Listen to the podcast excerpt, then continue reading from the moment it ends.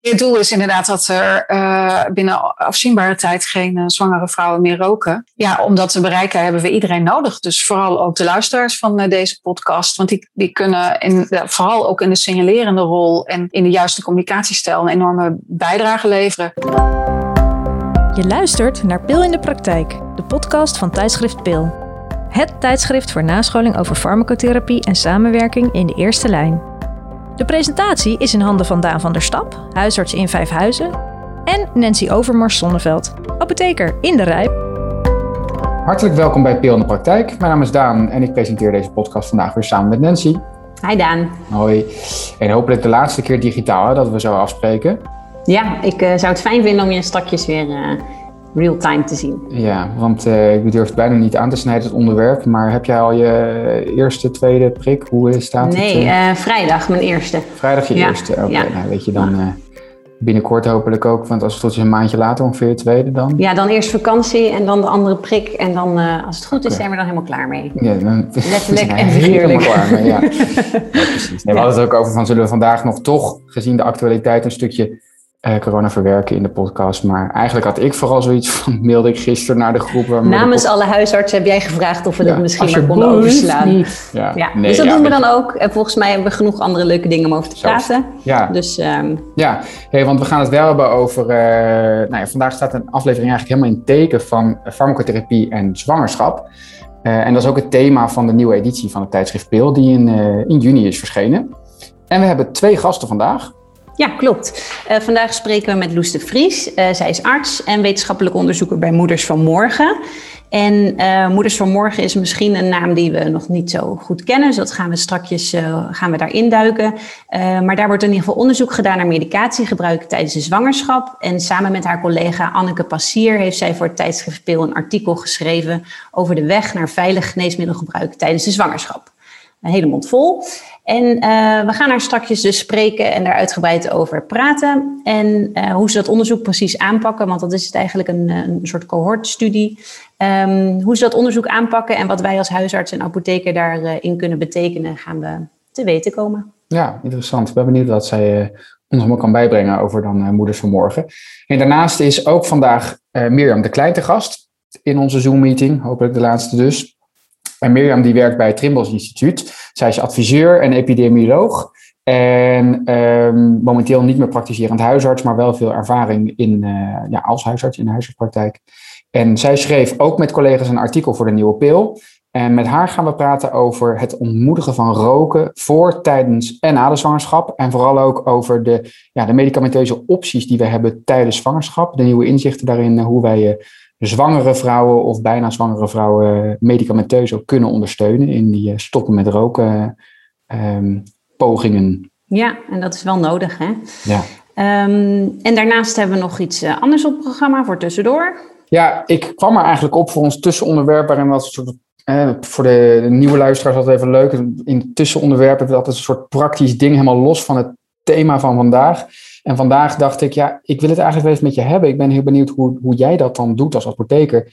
Stel, er komt een patiënt aan de balie en die heeft gelezen uh, of gehoord uh, um, op radio of tv in de krant ergens van er komt een nieuw medicijn. Hoe gaan we daar nou mee om? Ga ik daar hetzelfde om als jij of doe jij dat eigenlijk heel anders? Nou ja, ik denk inderdaad dat nieuwe middelen, dat is misschien, ik denk dat we gaan het er zo uitgebreid over hebben. Maar ik denk dat voor mij of label voorschrijven, dat dat uh, iets is wat mij meer raakt. Maar dat kunnen ja. we zo eventjes uh, induiken. Ja, leuk. Nou, dus uh, ik ben benieuwd daar straks even met je van gedachten te wisselen. En daarover later dus meer. Goed, uh, nou, zoals we net hebben gezegd, gaan we zo strakjes in gesprek met uh, Loes de Vries van uh, Moeders van Morgen. En zij heeft het artikel geschreven in Pil dat heet Weg naar veilig geneesmiddelgebruik tijdens de zwangerschap. Nou, dit artikel gaat dus over de afwegingen die gemaakt moeten worden tussen de veiligheid van het geneesmiddel en nou ja, de onveiligheid wellicht van een, een onbehandelde ziekte. Uh, en de manier waarop we daar onderzoek naar doen is natuurlijk anders dan normaal gesproken. Het is heel erg onethisch om placebo-gecontroleerde studies uh, te doen bij zwangere vrouwen. Dus in dit geval uh, gaat het om observationele studies en case reports. En om daar um, nou, wat meer lijn in te brengen, is er dus het Moeders van Morgen cohort om zoveel mogelijk informatie te verzamelen van vrouwen die geneesmiddelen gebruiken en ook zwanger zijn.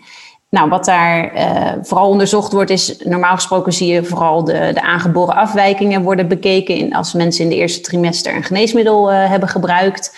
Um, maar er wordt veel verder gekeken, want er zijn natuurlijk veel meer effecten die je kan bedenken. Um, groeistoornissen of effecten op de lange termijn, zoals een verlaagd IQ of autisme. Dus er is echt wel veel informatie uh, nodig om een goede afweging te maken tussen uh, wel of niet behandelen en dan met welk geneesmiddel en welke dosering. Ja. En een van de doelen um, van uh, dit onderzoek vond ik eigenlijk wel mooi omschreven. Is natuurlijk behalve dat je meer kennis hebt en dus hopelijk ook beter kan voorschrijven, is dus ook dat je bijvoorbeeld minder angst bij vrouwen kan krijgen doordat het allemaal wat meer onderzocht en gedocumenteerd is. En het artikel is denk ik een hele mooie samenvatting van nou, wat zijn de dingen waar je aan moet denken, in welke fase is iemand zwanger, um, uh, wat is er bekend over het geneesmiddel Um, nou ja, eigenlijk, ik denk op zich voor ieder wel bekend, maar het is wel een mooie, een mooie samenvatting, een mooie uiteenzetting van uh, ja, hoe, hoe wordt zo'n keuze gemaakt. Ja, ik vond vooral die, die, die, dat stappenplan wel echt handig van welke fase, wat is de ernst van de ziekte die je wil behandelen, welke opties zijn er en wat is de optimale dosering. Het klinkt zo stom als je het leest. Ja, maar soms begin je bij Z, terwijl je gewoon bij A moet beginnen. Hè? Je moet inderdaad... Uh, ja, vaak ga je inderdaad al kijken naar, eh, ik steek toch best wel vaak in bij 3, uh, welke medicamenteuze behandelopties zijn er, maar ik vond het toch wel handig in een keer een handvat te lezen, dat je denkt, oh ja, dit is gewoon, als je hem altijd toepast, best wel logisch. En dat, ja, ik vond het handig. Ja, nee, en de conclusie kan dus ook heel vaak zijn van, ja, dat behandelen toch uh, uh, voorde meer voordelen heeft dan, dan nadelen. Uh, want er gaat natuurlijk, het gaat veel vaker nog om. Ik denk altijd, ja, mensen hebben maagzuur, dus krijgen ze wel of niet omeprazol. Maar er zijn natuurlijk een heleboel aandoeningen die wel behandeld moeten worden, ook bij zwangere vrouwen. Dus het is ja. wel ehm, goed inderdaad om zo'n structuur daarin te hebben. Voor als je heel erg twijfelt, denk ik. Want soms vind je het gewoon duidelijk. Dan weet je, dat dit is zo'n ja. gevaarlijke ziekte, dit, dit moet je gewoon behandelen. Ja. Ehm, maar ik denk vooral als je in dat grijze gebied zit, dat je gewoon heel erg merkt aan jezelf als dokter dat je twijfelt en dat ik misschien na een keer met jou als apotheker bel en denk van ja, ik, ik, ik twijfel gewoon, dan is het denk ik super handig om het stappenplan er uh, ja, voor ons samen als apotheker en huisarts bij te pakken.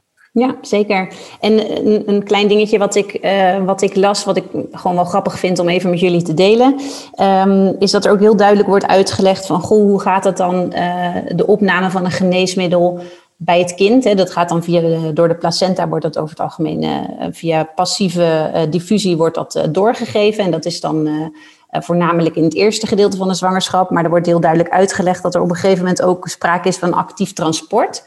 En um, dat is dan een beetje afhankelijk van de grootte van het geneesmiddel. Kan het dus ofwel passief door de placenta, ofwel uh, nou, niet dus, hè, als het te groot is. Mm -hmm. um, maar dat er voor sommige middelen dus wel actief transport mogelijk is. En zo wordt daar bijvoorbeeld gebruik van gemaakt bij de, de 22 weken prik hè, tegen kinkhoest. Ja. Die vrij recent, nou, nog niet zo heel lang gegeven wordt. Um, dus dan wordt er gebruik gemaakt van het feit dat er in het tweede trimester actief transport plaatsvindt. En dan gaan dus allerlei antilichamen worden uh, ja, overgedragen naar uh, het kindje.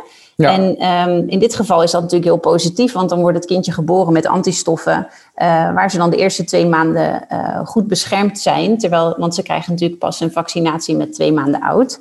Um, maar dat geldt dus bijvoorbeeld ook voor TNF-alpha-remmers. En wil je dat dan bijvoorbeeld ook bij je kindje uh, in het bloed tegen gaan komen. Dus nou, het is, het, ja. nou ja, ik vond het een, een soort verduidelijking van hoe dat eigenlijk gaat. Uh, ja. Het was maar één van de voorbeelden, maar vond ik leuk om te lezen. Hey, wat ik mij nog afvroeg, toen ik het had gelezen, dacht ik, ik heb eigenlijk best wel slecht beeld.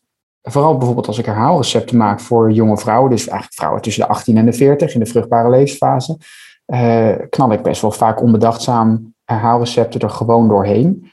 Uh, dat kan natuurlijk zijn voor van alles. Uh, vaak nu in dit, deze tijd van het jaar veel hooikoortsmedicatie. Hoe, hoe vaak uh, beginnen jullie nou aan de balie bij vrouwen, bij nieuwe recepten, maar vooral ook bij herhaalrecepten, over dat iets mogelijk teratogeen kan zijn? wordt dat standaard gevraagd of hoe, hoe gaat dat precies? Ja, een goede vraag. Um, nee, zeker niet standaard. Ik denk dat um, Nee, dus er zijn een aantal dingen die we wel doen. Er zijn een aantal geneesmiddelen die zo bewezen teratogeen zijn dat die uh, vanuit het CBG aangewezen uh, ja, aangewezen zijn om daar een zwangerschapspreventieprogramma voor op te tuigen. Mhm. Uh, en dan gaat het dus om voor hoe lang mag een geneesmiddel voorgeschreven worden. En over, acht, over het algemeen is dat dus vier weken, omdat je binnen vier weken weer zwanger zou kunnen zijn. En dat je dus iedere vier weken moet aantonen dat je niet zwanger bent. Um, en dat geldt dan bijvoorbeeld voor de isotretinoïne, maar ook voor de valproïnezuur. Uh, en zo zijn er nog een aantal, maar het is een heel klein groepje. Maar daar zijn we dan ook wel echt streng op. Hè? Dus dan moeten we uh, iedere vier weken en um, uh, moet er een nieuw recept komen, omdat dan in principe iemand elke keer een test moet hebben gedaan of ze wel of niet zwanger zijn. Ja. Um, en zeker bij een eerste aflevering laten we mensen dan ook een informed consent ondertekenen. Van goh, je weet wat er speelt, je, je weet welke risico's er zijn en dat het dus echt van belang is om zwangerschap te voorkomen. Ja. Um, Ja. Maar er zijn natuurlijk ook heel veel middelen te bedenken die ook uh, niet wenselijk zijn in een zwangerschap. Uh, maar die niet zo onwenselijk zijn dat er zo'n programma aan hangt. En dan moet ik zeggen dat wij dat niet actief benoemen. Ik bedoel, er zijn, uh, als je kijkt wat je zegt, uh, hooikoortsmedicatie en fluticasone neusspray heeft dan niet helemaal de voorkeur. Maar van alle neussprays die in de afgelopen weken over de balie vliegen, ik kan ze niet meer zien eerlijk gezegd. Uh, nee, vraag ik dat niet na. Nee, nee ja, assistent is dus denk ik ook niet. Dus dat, Nee. ik denk dat het meer voor ons als huisarts ook goed is om, om ons te beseffen dat behalve bij die enkele zeer teratogene middelen, uh, dat het toch echt onze verantwoordelijkheid is. En dat voel ik ook altijd wel, maar toch vind ik het wel interessant is om te horen wat er nou, soms had ik wel het gevoel, misschien gebeurt er wel dubbel werk. Dat Ja. ik bij antibiotica voor een uh, urineweginfectie altijd heel streng Maar is het voor jou niet heel moeilijk dan om, om iemand tegenover jou in te schatten als zijnde uh, mogelijk uh, of dat iemand een zwangerschapswens heeft? Ik bedoel, dat kan tussen de 19 en uh, 39. Ja, ja. Nee, ja, zwangerschapswens maakt het dus lastig. Die vind ik inderdaad lastiger. Ik kan me zo voorstellen dat ik, ik noem maar wat, um, bij, een, uh, bij de schimmelnagels en ik schrijf een kuur terbinafine van 12 weken voor. Ja, ik, ik, ik weet niet of jullie dan uitleg geven, maar als ik dat voor een jonge vrouw doe, denk ik dat ik het zomaar regelmatig zou kunnen vergeten dat ik haar even noem. Ik weet even niet Ja. uit mijn hoofd terbinafine en teratogeniciteit, maar uh, als dat een woord is, ik knal het er zo heel vlot uit.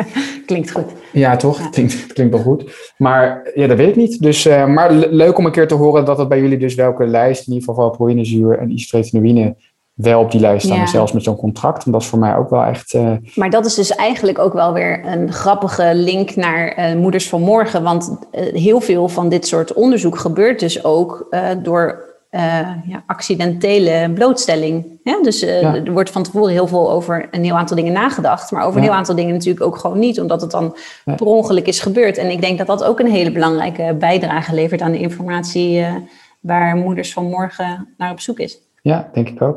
Nou, ik ben benieuwd. Ik denk misschien goed om onze Om collega die, te er, ja, die hier verstand van heeft, eens even te bellen. Heel goed.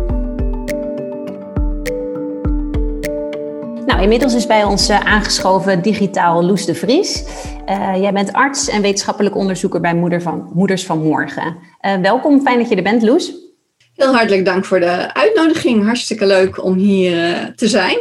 Um, laten we beginnen met Moeders van Morgen. Was niet een naam die mij al heel veel zei. Wat kan je daarover vertellen? Ja, Moeders van Morgen is het kenniscentrum op het gebied van geneesmiddelgebruik rondom de zwangerschap. Uh, het bestaat eigenlijk al heel erg lang, al uh, meer dan 40 jaar, maar we zijn van naam veranderd. Ah, vandaar. Uh, in januari. En dat is de reden, denk ik, dat je het niet kent. Mhm. Mm -hmm. voorheen heten we de Teratologie Informatieservice, de TIS. En dat zal, denk ik, onder zorgverleners wel bekender zijn. maar vanaf januari heten we Moeders van Morgen. En, en want je had me ook, ik kwam in het artikel ook de naam pregnant nog tegen. Toen we TIS heten, uh, hadden we het zwangerschapsregister dat pregnant werd genoemd. Maar net als TIS niet een hele aansprekende naam. En beide samen zijn nu moeders van morgen. En, en jij hebt uh, dat artikel samen uh, met jouw collega Anneke Passier uh, mm -hmm. geschreven. En toen ik jou aan de telefoon had voor, voor deze opname, toen gaf je al aan... Moeders van Morgen bestaat eigenlijk uit twee takken. Ja, we hebben dus de onderzoekstak en de informatietak. en Anneke en ik zijn van de informatietak, die dus echt de kennisbank verzorgt... en de telefonische counseling voor zorgverleners... en ook uh, voor uh, zwangere vrouwen of vrouwen met kinderwens. echtparen met kinderwens of tijdens de borstvoeding. Uh, en uh, de onderzoekstak, uh, dat is het oude pregnant, zeg maar. En via de onderzoekstak proberen we zoveel mogelijk zwangere vrouwen mee te laten doen met het onderzoek. en die, dat gaat via vragenlijsten. En dat was vroeger ook al zo, maar dan was het veel kleinschaliger. Dan ging het via de zorgverlener, maar twee vragenlijsten. En nu zijn het er zes. Um, drie rondom de, drie tijdens de zwangerschap en drie uh, in de borstvoedingsperiode. En, en hoe komen die, uh, uh, die dames dan bij jullie om mee te doen aan het onderzoek? Dat gaat digitaal. Mm -hmm. um, ja, dus ze kunnen via de zorgverlener op ons geattendeerd worden. Vaak is dat de verloskundige, maar dat kan natuurlijk ook heel goed de huisarts en de apotheker zijn. Ja, maar jouw ervaring is vaak de verloskundige nu. Dat is de huidige situatie. Ja, ja dat is vaak. Uh, daar zijn we ook wel ook heel actief uh, bij verloskundige praktijken om, om ja, vrouwen uh, te includeren. En bij de, zeg maar, bij de apothekers en de huisartsen, die zijn ook heel belangrijk, maar dat is eigenlijk een tweede plan, zeg maar. Ja, want jullie worden denk ik dan vaak door verloskundigen gebeld, maar dan is de vrouw al zwanger. Terwijl ik hoor jou ook zeggen, het is, jullie kenniscentrum is echt voor alles rond de zwangerschap. Dus misschien ook ja. al voor aanvang krijg ik natuurlijk als huisarts best vaak vragen van vrouwen. Ja. Ik gebruik dit dokter. Soms is het zo simpel, hadden Nancy en ik het al kort over de hooikortsmedicatie in deze tijd van het jaar. Vlieg je om de oren.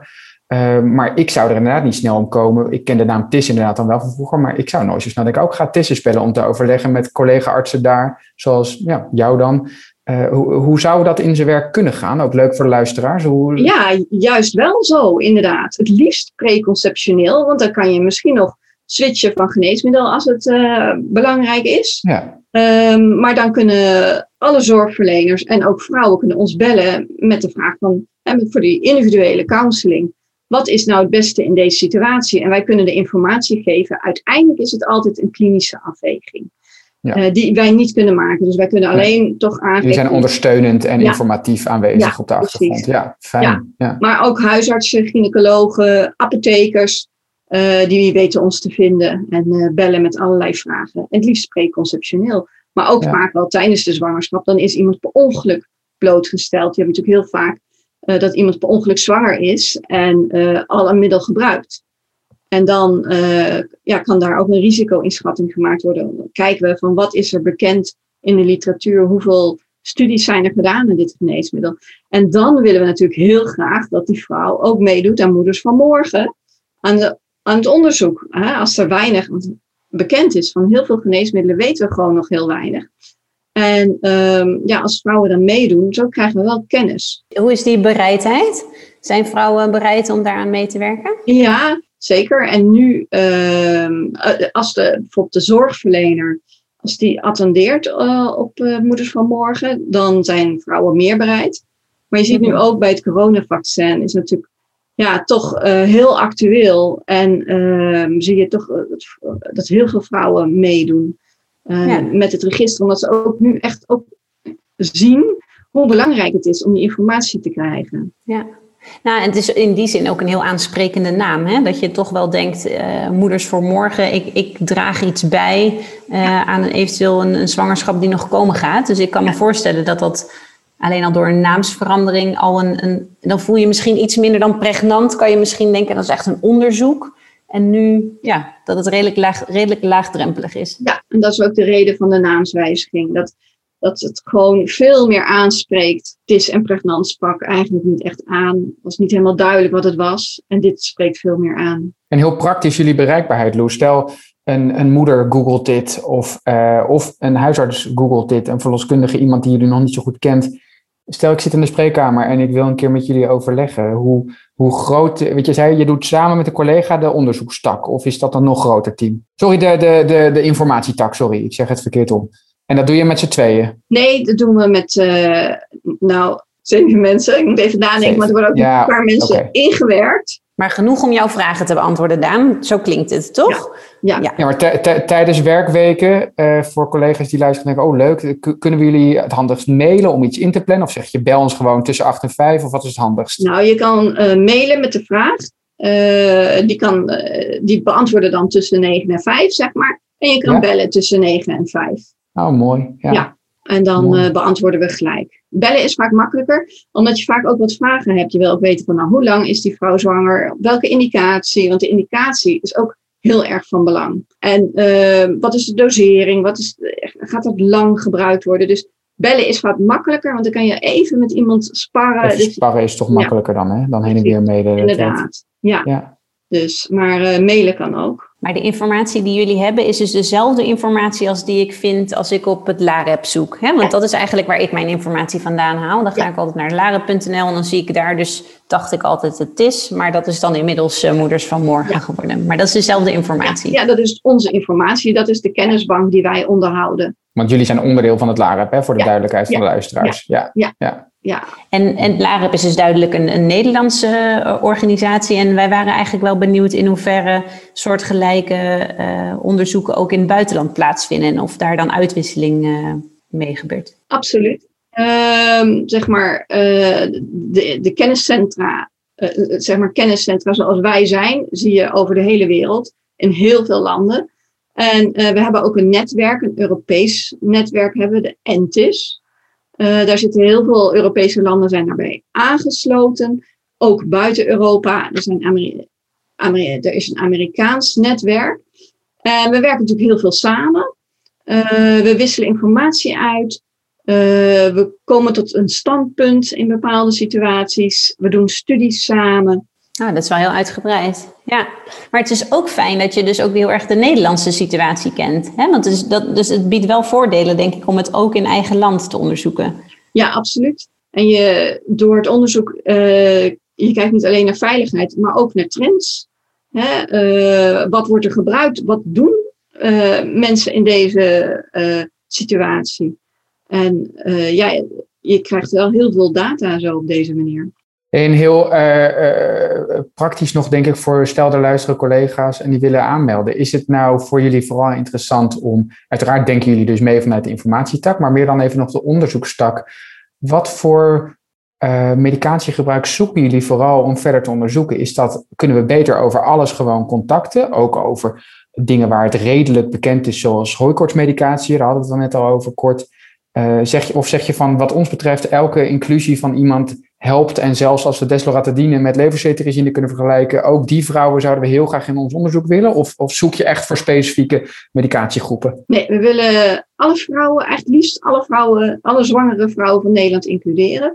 Ook al gaat het om een geneesmiddel waar je misschien al wel wat meer gegevens over hebt. Maar heel veel vrouwen, ook zelfs vrouwen die geen geneesmiddel gebruiken, willen we mm, eh, in de studie eh, meenemen. En dat heeft ermee te maken dat Heel veel vrouwen gaan nog een geneesmiddel gebruiken in de zwangerschap.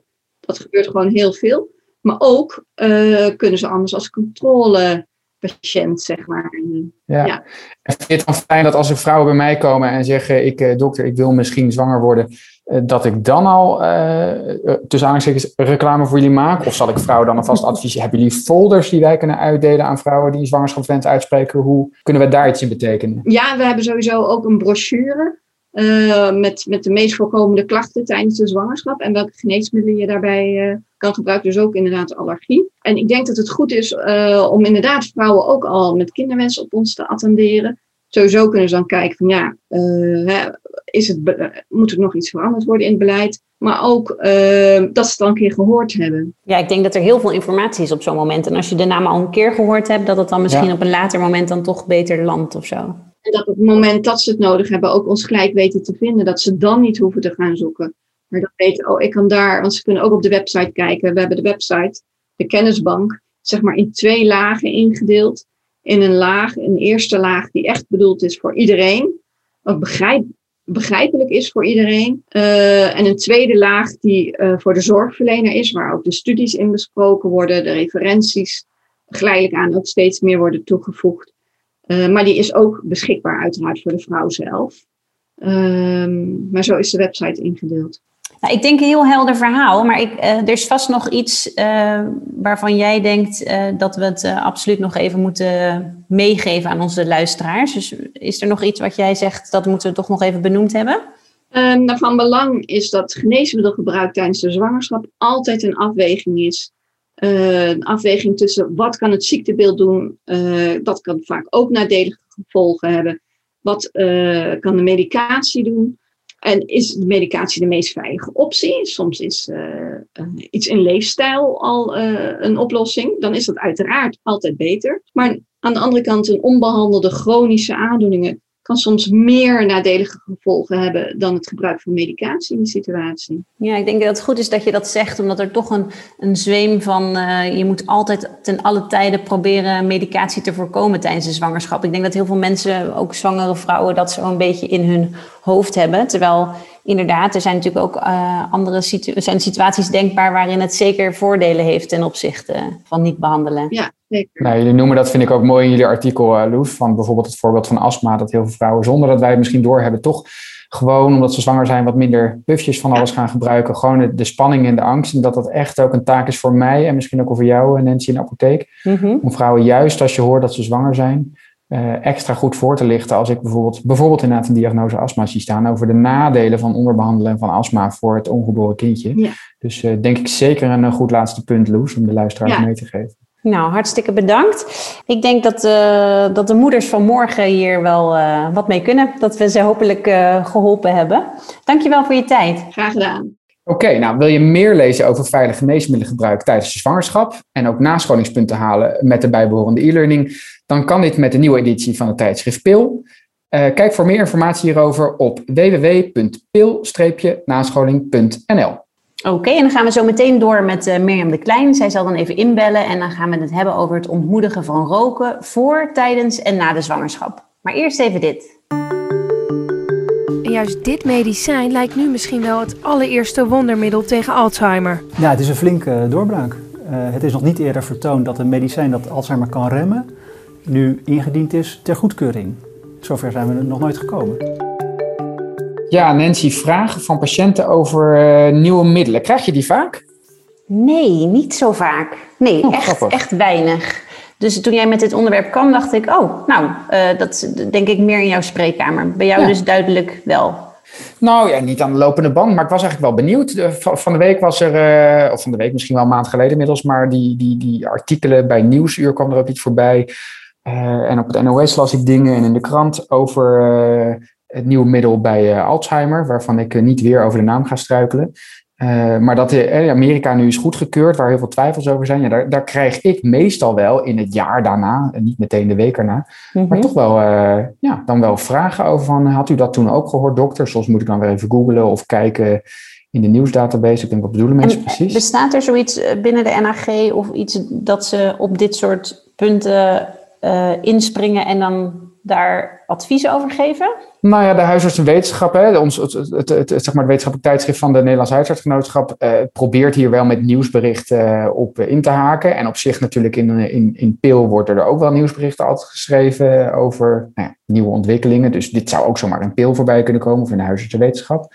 Maar ik bedoel meer adviserend naar jullie toe? Als ik dan bedenk dat er bijvoorbeeld, uh, dan komt er op Zembla dat de paracetamol vervuild is, dan krijgen wij de dag daarna vanuit de KNP een soort. Uh, ja, ja, bij ons misschien niet de dag daarna, maar inderdaad wel. De NAG is daar wel goed in hoor. Als er inderdaad veel vragen, iets leeft in de spreekkamer, dan krijgt de NAG signalen van zijn leden. Ik ben ook lid uh, bij de NAG. En dan, ja, als er meerdere huisartsen dat signaleren, dan is de wetenschapscommissie van de NAG probeert wel inderdaad ja, nieuwsmails rond te sturen. Uh, en soms gaat het ook heel vlot. Ook aan het begin van corona, uh, mm -hmm. vaccinaties, ja, krijg je wel ja. vaak natuurlijk uh, nieuwsupdates over nieuwe middelen, nieuwe ziektes. Dus dat, dat wel. Maar het is soms dat ik toch een beetje me, ja, met mijn bek vol tanden. En ik dacht meer, maak jij dat nou ook wel eens mee aan de balie? Dat, ja, dat mensen aan de balie staan en aan jouw assistent iets vragen. En dat ze jou erbij roepen van, nou dat weet ik niet, ik, roep de apotheker wel even. Maar dat maak je dus niet zo vaak mee. Nee, ik heb wel meer dat ik dan een collega van jou mij belt en zegt: Goh, deze persoon wil dit graag dat ik dat voorschrijf. Wat weet jij daarvan? Is daar evidence voor? Uh, kan je daarover meedenken? Uh, en dan vind ik dat toch altijd best wel lastig om daar kritisch over te zijn. Als je, nou gaf jij bijvoorbeeld een voorbeeld van iemand die met formine wilde slikken omdat het de kans op uh, kanker zou verminderen. Ja, dat, dat zei ik voor de uitzending tegen je. Dat ja. was voor twee weken geleden een patiënt bij mij die dat wilde. Of label, want er wordt onderzoek naar gedaan inderdaad. Ja, maar best wel een lastige vraag hoor. Want hoe schadelijk is het? Ja. ja. Maar ja, het klopt gewoon niet. Maar ja, als die persoon daar nou super blij van wordt. Ik, ja, ik weet niet. Ik. Ja, ik heb het uiteindelijk dus ook voorgeschreven van deze patiënt. Want die was gewoon zo overtuigd. En dan ga ik dus misschien net een beetje als bij het voorschrijven van middelen bij zwangerschap. eh, ja, dan ga ik nu ook die afweging van ja, wat kan het voor schade als die patiënt er in de periode van kankerbehandeling enorm bij gebaat is, psychisch gezien, dat ze dat doet. Een tabletje met vanille per dag, terwijl ze geen diabetes heeft. Ja. Uiteindelijk heb ik ook maar gedacht, het, het is voor haar psychische gezondheid zo belangrijk, dan, dan, dan ga ik erin eh, in mee. En misschien komt er in de toekomst, hè, want er staat evidence bij zich ook wel iets uit dat het inderdaad in richtlijnen komt staan. Misschien, tuurlijk, eh, komt er uit al die onderzoeken die nu lopen wel dat Mhm. die glucosehuishouding bij de vorming van kankercellen eh, echt wel een rol speelt. En, en zegt zij over twintig jaar, zie je wel, eh, ik had gelijk. Maar ja, voor hetzelfde gaat komt er ook uit dat het alleen maar schade geeft en nierschade. En Nou ja, ik kan me voorstellen dat er ook echt wel collega's van jou zijn die zeggen, ja, maar nee, gewoon nee. Hè? Maar ja. Ja. het is, ja. Maar jij zegt dus ook als ik jou erover bel over iets of label of iets nieuws eh, dat nog niet op de markt is, zoals laatst dat nieuwe middel bij eh, Alzheimer is natuurlijk net in Amerika goed gebeurd. Voordat hier gebeurt zijn we wel even verder. Mhm. Eh, jij zegt dan ook, jij vindt dat ook net zo lastig als ik, begrijp ik dus. Dat jij zegt, Eén één laatste voorbeeldje is bijvoorbeeld iemand met ALS. En dat is al even geleden, die, die persoon leeft ook niet meer. Maar die heeft toen, die wilde graag eh, dextrometorfan, Daro, en kinidine. En eh, ja, het was ook heel ingewikkeld om die persoon dat niet te laten. Hè? Dus de huisarts heeft er uiteindelijk voor gekozen om dat toch wel voor te schrijven, ook in overleg met mij. Ehm, omdat zo iemand zo'n klein strohalmpje nog heeft dan om, om zich aan vast te houden. En nu ging ik dat naar aanleiding van, het, van deze podcast, eh, ging ik daar nog eens even naar kijken. En inmiddels is er dus wel een middel. eh, Het, het wordt dus wel ook eh, bereid door bijvoorbeeld de Transvaal-apotheek. En er komt dus meer bekendheid, meer data. Dus ja, die mensen zijn misschien een beetje vroeg. Eh, en zitten vast niet altijd op het juiste spoor. Maar het, blijft lastig. En ik denk dat je per situatie moet kijken. En dan heb je dus inderdaad weer de afweging. Wat is de ziekte? Wat doet het geneesmiddel? En nou, hoe zwaar weegt het allemaal? nou misschien leuk inderdaad als ik nog eens iets tegenkom om toch eens... eh, eh, ja, gewoon de apotheker te bellen. Om, misschien helpt het samen sparren ook al even, ook al weet je het eigenlijk allebei niet, dat je dat toch helpt om er even over te kletsen, twee minuten aan de telefoon, dat het je iets helpt in de denkwijze. Vind ik vaak wel. Ja, Ja, zeker. Nou, leuk dat we er even over van gedachten wisselden. Oké, nou ondertussen is Mirjam de Klein aangeschoven in onze Zoom-meeting. Van harte welkom Mirjam. Ja, dankjewel. Dank voor de uitnodiging. En wij eh, spreken met jou omdat jij samen met eh Klasien van der Houwen en eh, Sanne de Josseling de Jong schreef jij het artikel Een rookvrije start voor ieder kind. Wat kunt u daaraan bijdragen? En dat artikel is te vinden in de nieuwste editie van PIL. En ik denk dat je met u, daar bedoel je ons mee, toch? De huisarts en apotheker. Ja, en dan het hele team, dus inclusief de praktijkondersteuners, doktersassistentes en apothekersassistentes. Ja, duidelijk. Want niet te vergeten, die kunnen hier ook eh, zeker een rol in, eh, in spelen. eh, voorlichting en signalering. Ehm, nou, daar gaan we het dus straks over hebben. Ik denk dat voor de luisteraar leuk is dat ik even een introductie van jullie artikel geef. En daarna nou, zullen we jou vragen stellen, Mirjam, of wij het nou ja, een beetje goed lijken te hebben geïnterpreteerd in jullie, jullie mooie artikel. Eh, het artikel gaat eigenlijk over roken in de zwangerschap. En nou, we weten allemaal dat het eh, leidt tot ernstige gezondheidsproblemen bij eh, volwassen vrouwen die roken, maar ook bij de eh, kinderen. Ehm, en roken is uiteraard ook al schadelijk voor de zwangerschap. Het verzorgt voor een kleinere kans om zwanger te kunnen worden. En vervolgens is het eh, ehm, niet alleen dan ook nog schadelijk tijdens de zwangerschap zelf, maar ook nog daarna voor zowel moeder als, als kind. En eh, ja, buiten roken, dat vond ik eigenlijk ook wel mooi eh, omschreven. Meteen in het begin van het artikel heel eh, stellig. En ook waar is niet gewoon de oplossing. Wat natuurlijk zeker na de zwangerschap weer vaak een excuus van moeders is. Omdat die giftige stoffen uit rook ook weer neerslaan op kleding, huid, haren. En ik vond het ook wel ja, goed om te lezen dat je dacht, oh ja, het wordt zelfs dus in couveuses aangetroffen op de neonatologieafdeling. ehm, waar rokende mensen komen, worden zelfs sporen van schadelijke rookstoffen gevonden. Eh, nou, gelukkig zijn eh, zorgverleners, beschrijven jullie ook uit verschillende beroepsgroepen betrokken. eh, bij de ouders, dan wel aanstaande ouders, die, die roken. En ja, wij kunnen natuurlijk allemaal op onze eigen manier proberen wat bij te dragen aan vrouwen en eventueel ook de mannen in zo'n gezin wat zwanger is of wil worden, te helpen om ja, te stoppen met roken. En dat we vooral ook hopelijk, lees ik ook in jullie artikel, alle neuzen uiteindelijk dezelfde kant op hebben staan. En van elkaar goed weten wie wat doet, wie waar verantwoordelijk voor is. Of je dingen niet dubbel doet. Om de moeder ook op een gegeven moment te gaan vervelen en een beetje te belerend te zijn. Eh, en jullie hebben het vooral ook over de ehm, medicamenteuze opties. Wat ik ook wel heel leuk vond om eens te lezen van wat is nu de huidige evidence met eh, veiligheid van middelen. ehm, om ja, met medicamenteuze middelen dus het stop met roken voor, tijdens of na de zwangerschap te ondersteunen. het artikel is vanuit het, in ieder geval, ik zie Trimbos bovenaan staan dat jullie daar aan gelieerd zijn. Maar kan je eerst eens vertellen aan welke organisatie ben je gelieerd en wie heeft wat precies te maken met dit, met dit onderwerp en artikel? Ja, um, nou, ik ben werkzaam als adviseur in, in de zorg op dit moment, of eigenlijk al de laatste tien jaar. En ik heb ook dertien jaar als huisarts gepraktiseerd. En ik zit al nou, zeker vier jaar, ik weet niet eens precies, in de Taskforce Rookvrije Start namens het Nederlands Huisartsgenootschap. En die taskforce, daarin zijn alle ja, beroepsprofessionals vertegenwoordigd rondom de geboortezorg. Dus er zit iemand van de kraamzorg, gynaecoloog, kinderarts, en uh, ja, heel veel diverse disciplines, zeg maar, allemaal in die keten van de geboortezorg, huisarts. Dat, uh, ik zit dus namens de huisartsen daar. En deze taskforce is ingesteld door VWS. En op, nou, op een idee van de kinderarts Noor Rikkers. En wordt ondersteund door het Trimbos Instituut. En inmiddels, um, omdat ik veel met stop met roken als onderwerp bezig ben, ook in mijn advieswerk, ben ik inmiddels ook eh, deels voor Trimbos werkzaam eh, als adviseur.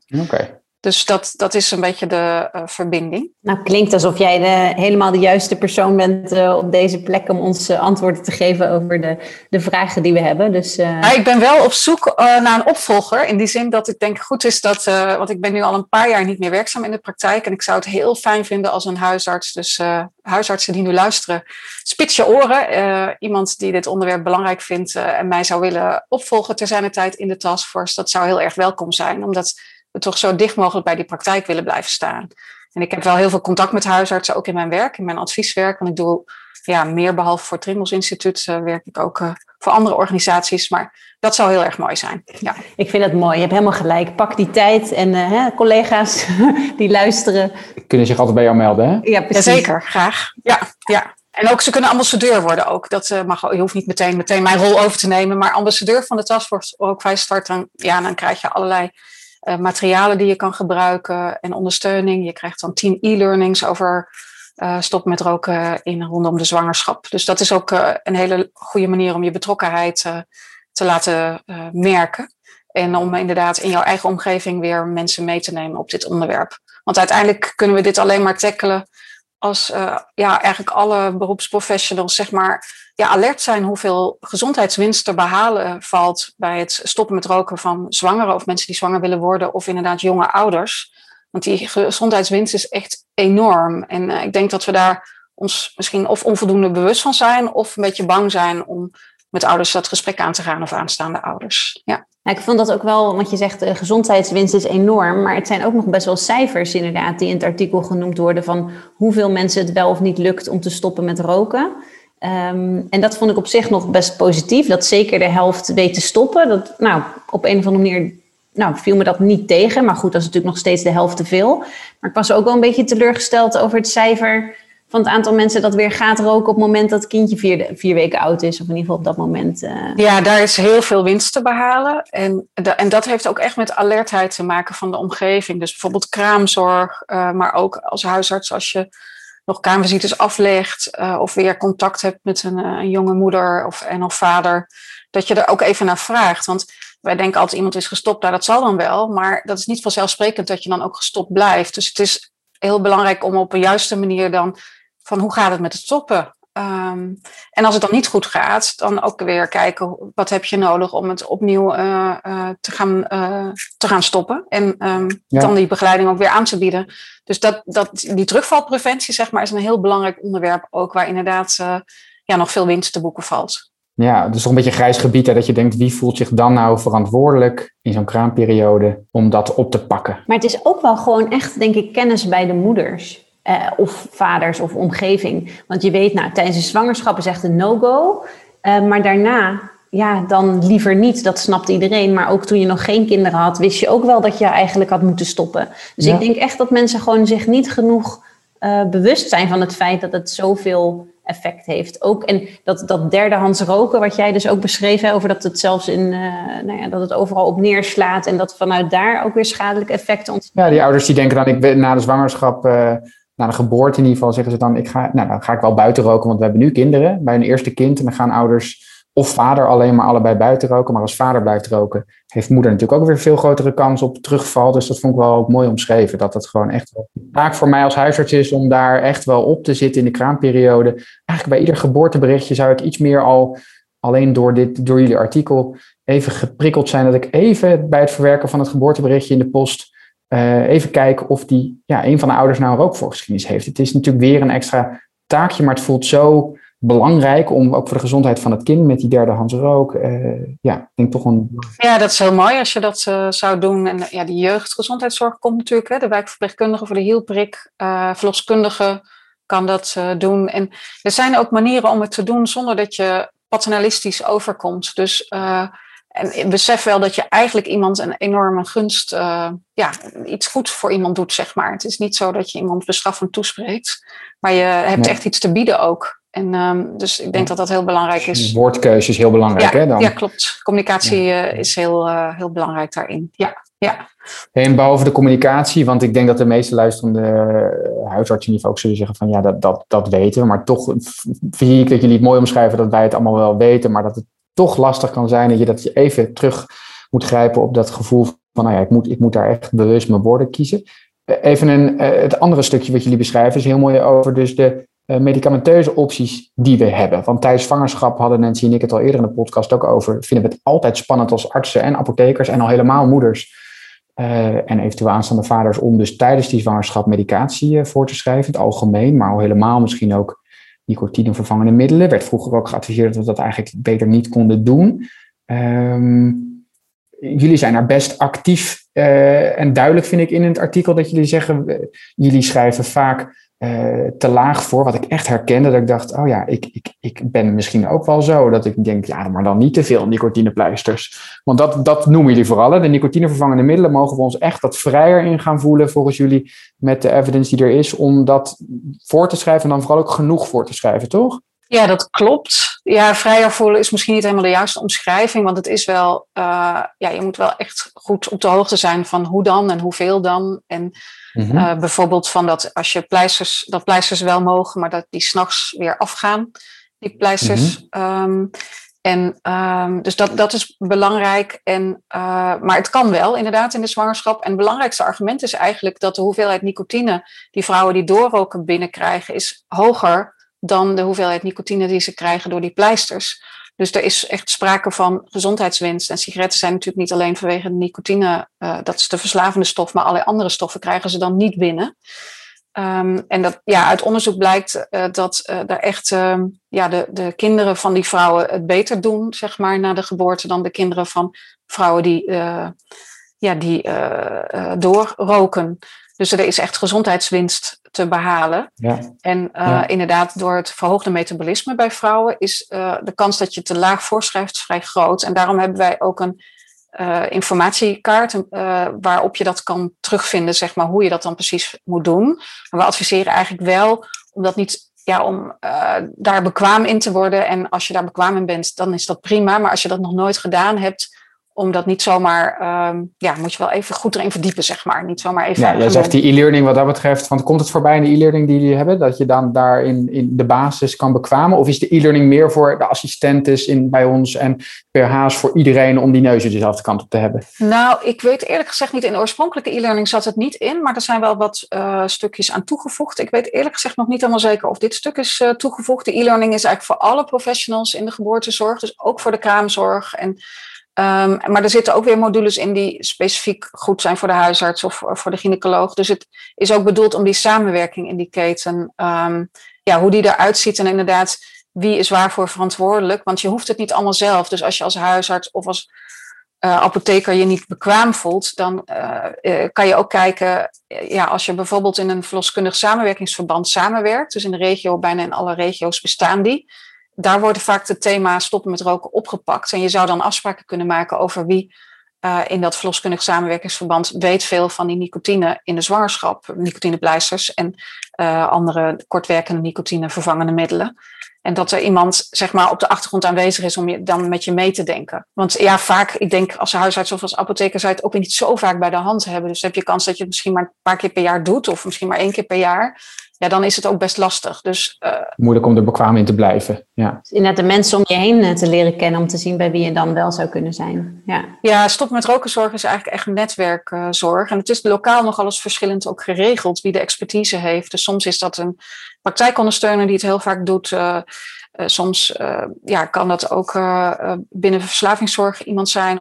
Ja, je moet echt even zoeken naar wie, wie is hier bekwaam in, zeg maar. Ja, want twee dingen die ik nu denk. Eén is dat er eigenlijk staat van, nou, ze lijken niet heel schadelijk te zijn. Of er is vooralsnog niet heel veel bewijs dat het schadelijker zou zijn dan doorroken. Hè? Of, dus daar lijkt de, maar er staat ook dat de effectiviteit eigenlijk ook niet zo heel hoog is. En dat komt dan dus door het waarschijnlijk te laag doseren. Uh, maar dus ook dat die, dat die begeleiding, dat, uh, dat counselen, dat dat ook echt heel erg van belang is. Hè? Dat dat echt een heel groot onderdeel ook nog zou moeten zijn. Ja, je moet eigenlijk binnen 24 uur na het starten weer contact hebben met uh, de vrouw die een stoppoging doet. En vooral ook voorkomen dat de sigaretten worden doorgerookt naast de nicotinepluisters, want dan heb je wel risico's, zeg maar. Dus daarom is het ook zo belangrijk om het hoog genoeg te doseren. Of ik zeg voortdurend pleisters, maar het zijn alle nicotine kortwerkende middelen kan ook. Uh, maar pleisters heb je een soort van, krijg je een stabiele. Stabieler, hè? Ja, dus ja. daar zijn wel voordelen ook weer van.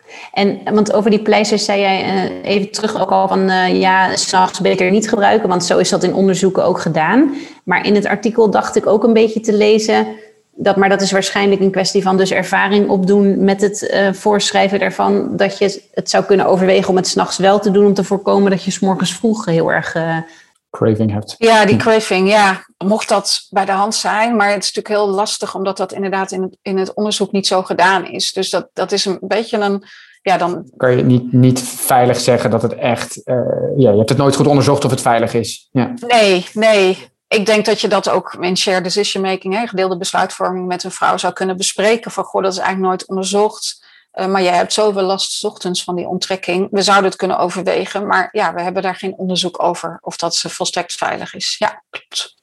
En dat, dat, dat netwerk waar je, wat je ook beschrijft, dat is ook eigenlijk een beetje in het eind van het artikel. Dan zeggen jullie ook van goh, dat roken is vaak ook maar één van de vele problemen die zo iemand op dat moment heeft. En want jullie geven ook wel aan dat um, uh, als je kijkt naar welke mensen er nog roken, zijn natuurlijk ook vaak mensen met. Uh, uh, in een lagere sociale klasse, die natuurlijk allerlei issues hebben die aangepakt moeten worden.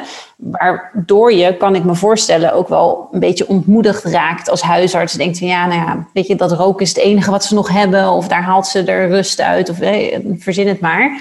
Uh, maar dat je dan dus ook wel zou kunnen doorverwijzen, of in overleg zou kunnen kijken naar iemand die dus uh, echt bij, bij verslavingszorg wat kan bijdragen. Dus, maar dat lijkt me best wel een grote stap ja, dat kan een grote stap zijn. Je kan ook uh, iemand op de verslavingszorg met jou mee laten denken als jij iemand begeleidt, zeg maar. En er zijn ook stoppen met roken coaches uh, uh, en bedrijven die ja, veel stoppen met roken coaches in dienst hebben. Dus die zich helemaal dedicated zijn stoppen met roken begeleiding, waar die expertise mm -hmm. aanwezig is. En ik weet bijvoorbeeld, er is ook een zorggroep in, in Oosterhout, Zorro, en die hebben Zo Healthy. Die hebben een uitgebreide stop met rookondersteuning. En die hebben ook specifiek een aantal coaches opgeleid voor het begeleiden van zwangeren. Dus zij hebben in de regio gewoon ervoor gezorgd dat die expertise er is. En dat vrouwen terecht kunnen bij deze coaches die daar speciaal in getraind zijn. En verder heb je dan ook nog een hele mooie optie. En dat heet rookvrije ouders. En dat is telefonische coaching. Dat zijn ook weer coaches die speciaal zijn opgeleid om uh, zwangere en jonge ouders te begeleiden bij het stoppen. En um, dat, um, ja, daar kan je dus, uh, de advies is om daar een soort, een, dat, een warme overdrachtsystematiek is dat. Dus als je uh, gaat googlen op rookvrije ouders, dan kom je op een plek waar je iemand kan aanmelden. En dan kan je het beste dan met de persoon zelf samen meteen aanmelden. En dan krijgt die persoon een telefoontje. Want bij zwangeren is het ook zo, niet alleen bij zwangeren, eigenlijk bij alle mensen die roken. Die, ze willen heus wel. Ze willen wel, maar ze zijn ook verslaafd. Dus op het moment dat ze willen, moet je eigenlijk meteen het ijzer smeden als het heet is. En niet dan vervolgens zeggen van ja, het, moet echt, het initiatief moet echt uit hunzelf komen. En laat ze drie dagen later mee bellen, maar bellen. Want dat, dan heb je kans dat ze toch weer terug zijn gevallen in hun verslaving en toch die stap niet zetten. Dus het is heel erg belangrijk dat, uh, dat je het initiatief eigenlijk juist legt bij de hulpverlener die contact gaat opnemen. Want ze hebben gewoon een duwtje nodig. de, en dat komt door de mate van verslaving. En ja, het is echt inderdaad een lastige groep, dat klopt. Ehm, maar het is ook niet netjes om die groep op te geven. En er zijn ook wel programma's waar het integraal meegenomen wordt met andere problemen die er zijn.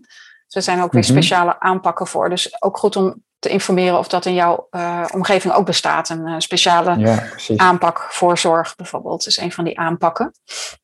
Ja, dus dat eh, er is gewoon, ja, en, en je doet echt die vrouwen tekort als je, als je het niet met ze bespreekt. En wat je ook in het begin zei, Nancy, er is echt een tekort aan informatie. Ehm, dus het is gewoon belangrijk om goede informatie te geven en echt naast iemand te gaan staan. En gewoon te kijken, goh, wat zou jij nou nodig hebben om te stoppen? En hoe kunnen we daarbij helpen? En dan is bijvoorbeeld inderdaad die partner meenemen, maar soms ook grootouders en dergelijke. eh, is ook belangrijk. En dat wil niet zeggen dat, nou ja, die partner is fijn als die samen mee stopt. Hè? Dat is denk ik heel belangrijk. Uh, maar het is ook belangrijk dat mensen niet in de omgeving van een zwangere gaan roken. Want dat is, ja, dat is heel lastig om het dan vol te houden, dat stoppen. Maar er zijn wel uh, postbus 51 uh, spotjes of iets dergelijks van geweest, toch? En ja, best wel aansprekend, of in ieder geval wel, herkenbaar, denk ik, voor jonge meiden die. Hè, toch, het ging ook best wel veel om jonge meiden die roken. En dacht ik, ja, ja, ik vond dat wel hele sympathieke reclames. Ja, leuk om terug te horen. Dat komt ook uit de Taskforce Rookvrij Start. Ja, ja, ja. die uh, zijn ja, daar ook uh, uit bekostigd en uh, met ons hulp gemaakt van experts. Ja. En zijn er, zijn er cijfers bekend van hoe het in de loop van de jaren gaat? Gaat het beter? Staat het stil? Op de meest recente cijfers is er wel sprake van een daling. Alleen bij partners zien we die daling nog niet zo goed. En inderdaad, die terugvalpreventie is nog, daar zien we nog niet zo heel veel effect. Dus uh, dat is tenminste wat ik zo even uit mijn hoofd. Ik weet ook niet of ze al gepubliceerd zijn of dat ik alleen maar voorlopige cijfers heb gezien. Dat zou ik even moeten nakijken. Maar dat is zoals ik het onthouden heb. Ja, want ik zag jullie doel was op zich. Uh... Vrij ambitieus. Heel ambitieus. ja, dat staat in het preventieakkoord. Uh. Ik, ik, kan het niet meer vinden, maar het idee was in ieder geval dat er niemand meer zou roken, toch? Dat was het uh, ongeveer de setting. of de... Lijkt me, je moet de lat een beetje hoog leggen met een. Nee, ja, ik bedoel, dat moet het doel natuurlijk ook zijn. of het haalbaar is, is een ander verhaal. Maar... Ja, nee, het doel is inderdaad dat er binnen afzienbare tijd geen zwangere vrouwen meer roken. En um, ja, om dat te bereiken hebben we iedereen nodig. Dus vooral ook de luisteraars van uh, deze podcast. Want die, die kunnen in, vooral ook in de signalerende rol en in de juiste communicatiestijl een enorme bijdrage leveren. En wat we ook nog vaak terug horen, is dat vrouwen die dan komen vragen om nicotinevervangende middelen, dat die toch nog horen van de huisarts of apotheek, nee, dat mag niet in een zwangerschap. Dus dan is er toch echt onvoldoende kennis, ook bij de professionals, dat er inderdaad in het addendum, hè, er is een addendum bij de richtlijn, daar ben ik ook bij betrokken geweest, en daarin staat ook heel duidelijk beschreven, inderdaad, waarom het wel kan en mag. En alle onderzoeken die daaraan ten grondslag liggen. En het is echt een um, ja, wel overwogen keuze om dat te adviseren om het wel te doen. Omdat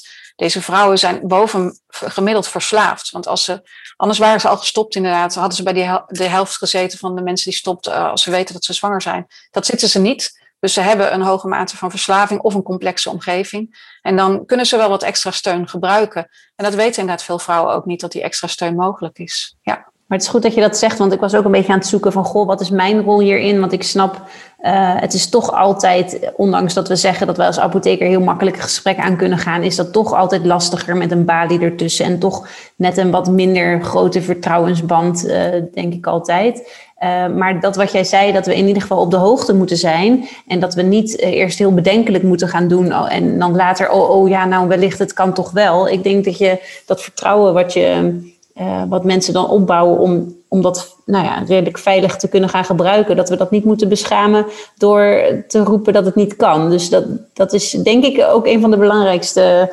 punten die ik eruit had gehaald voor mijzelf als apotheker. Ja, dat is ook een van de belangrijkste redenen waarom we dit artikel voor jullie blad hebben geschreven. Omdat we dat heel graag willen dat die informatie heel breed bekend is bij de beroepsgroep. En misschien als belangrijke laatste onderwerp, Mirjam, lees ik ook, om nog even terug te komen op de preconceptieperiode, dat jullie het daar ook heel van belang vinden dat wij daar eigenlijk allemaal, apothekers, huisartsen, al ons personeel, actiever, bewuster daar al mee bezig zijn met het stoppen met roken. Ja, dat klopt. Um, er zijn natuurlijk heel veel vrouwen die anticonceptiemiddelen gebruiken en daar op een zeker moment mee stoppen bij een zwangerschapswens. Dus er zijn al die contactmomenten die er rondom dat gebruik van die anticonceptiemiddelen zijn, kunnen benut worden om, uh, ja, om dat ter sprake te brengen. En, um, en daarmee kan je echt uh, ja, ook het verschil maken dat je vrouwen attendeert op, als je zwanger wilt worden, dan is er ook een mogelijkheid om begeleiding te zoeken bij het stoppen met roken. En dan is je kans op het succesvol zwanger worden ook groter. Zou je dat willen? Sta je daarvoor open? Ehm, of bijvoorbeeld inderdaad met een sticker op het pakje van ga je stoppen met, of heb je een zwangerschapswens? ga dan het gesprek aan over stoppen met roken. dus er zijn wel verschillende manieren, denk ik, om er inderdaad op tijd bij te zijn en te voorkomen dat die schade in het begin van de zwangerschap ook op kan treden, wat kan leiden tot uh, vroege ja, miskramen en dergelijke of het überhaupt niet zwanger worden. Het is goed dat je dat zegt, want de manier waarop jij dit nu vertelt is, is anders dan zoals ik het in mijn hoofd zou hebben. Ik zou zeggen, oh, u gaat stoppen met roken, nou, of u gaat stoppen met de, met de pil. Uh, denkt u eraan uh, dat u foliumzuur gaat slikken en vergeet u niet dat u ook moet stoppen met roken.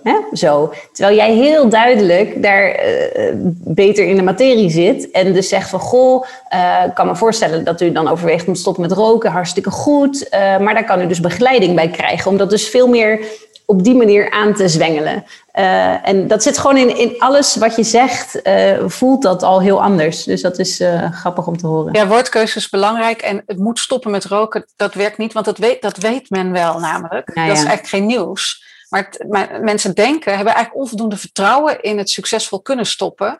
En dat is ook, ook weer niet zo gek, want het is een verslaving, dus het is ook niet altijd even gemakkelijk.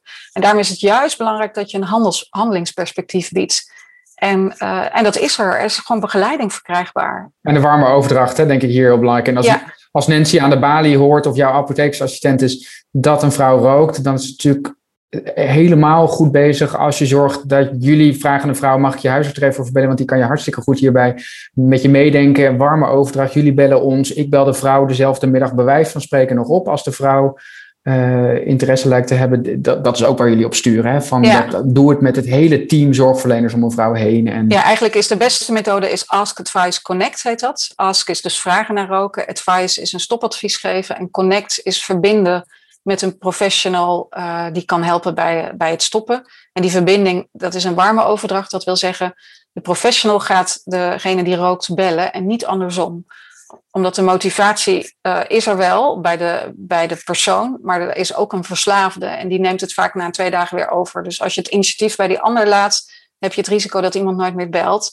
En, en ja, in, zeker in een zwangerschap of in, in, een naderende zwangerschap moet je echt het ijzer smeden als het heet is en niet um, ja, de openingen laten. Nou ja, je hebt natuurlijk gewoon twee mensen te, nou, te redden, klinkt wel heel erg. Uh, maar goed, er is echt gezondheidswinst niet voor één, maar voor twee uh, mensen. Dus in die zin. Ja, en ook voor een toekomstige generatie. Hè? Dus het is echt, uh, ja. echt als een kind niet rookt, dan, dan de kans dat die kinderen van dat kind weer niet gaan roken is ook groter. Dus de olievlek-effect is gigantisch bij een gestopte roker. Dat heeft soms hele gezinnen, families, grootouders. Als iedereen meedoet, dan heeft het een enorme impact. Ja. Dus je kan echt door zo'n simpel advies en uh, warme overdracht, of bijvoorbeeld via rookvrije ouders, dat telefoonnummer waar je uh, je kan aanmelden. Uh, ja, dat is echt een hele fijne manier om mensen succesvol bij een stopbegeleider te krijgen. Dus dat wil ik echt van harte aanbevelen. Nou, ik denk ook een hele goede boodschap om mee af te sluiten.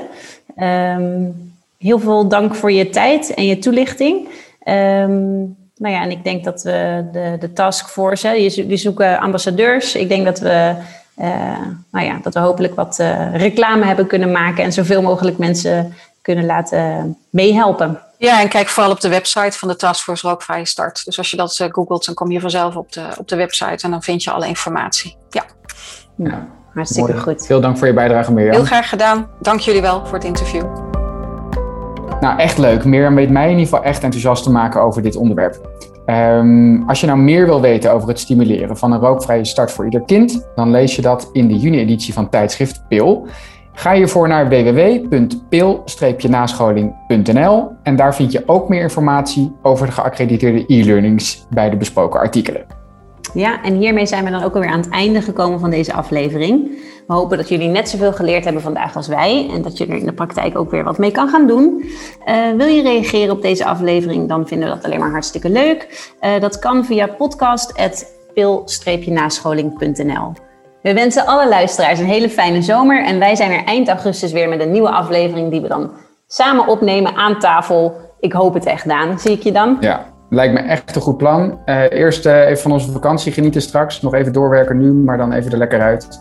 Lijkt me super fijn om uh, gewoon met een goede podcast een keer aan tafel samen op te nemen. Zie je dan, Nancy. Doei doei. Je luisterde naar Pil in de Praktijk, de podcast van tijdschrift Pil. Het tijdschrift voor nascholing over farmacotherapie en samenwerking in de eerste lijn. Pil verschijnt vier keer per jaar in de vorm van een papieren tijdschrift en geaccrediteerde e-learnings. Ga voor meer informatie en abonnementen naar www.pil-nascholing.nl.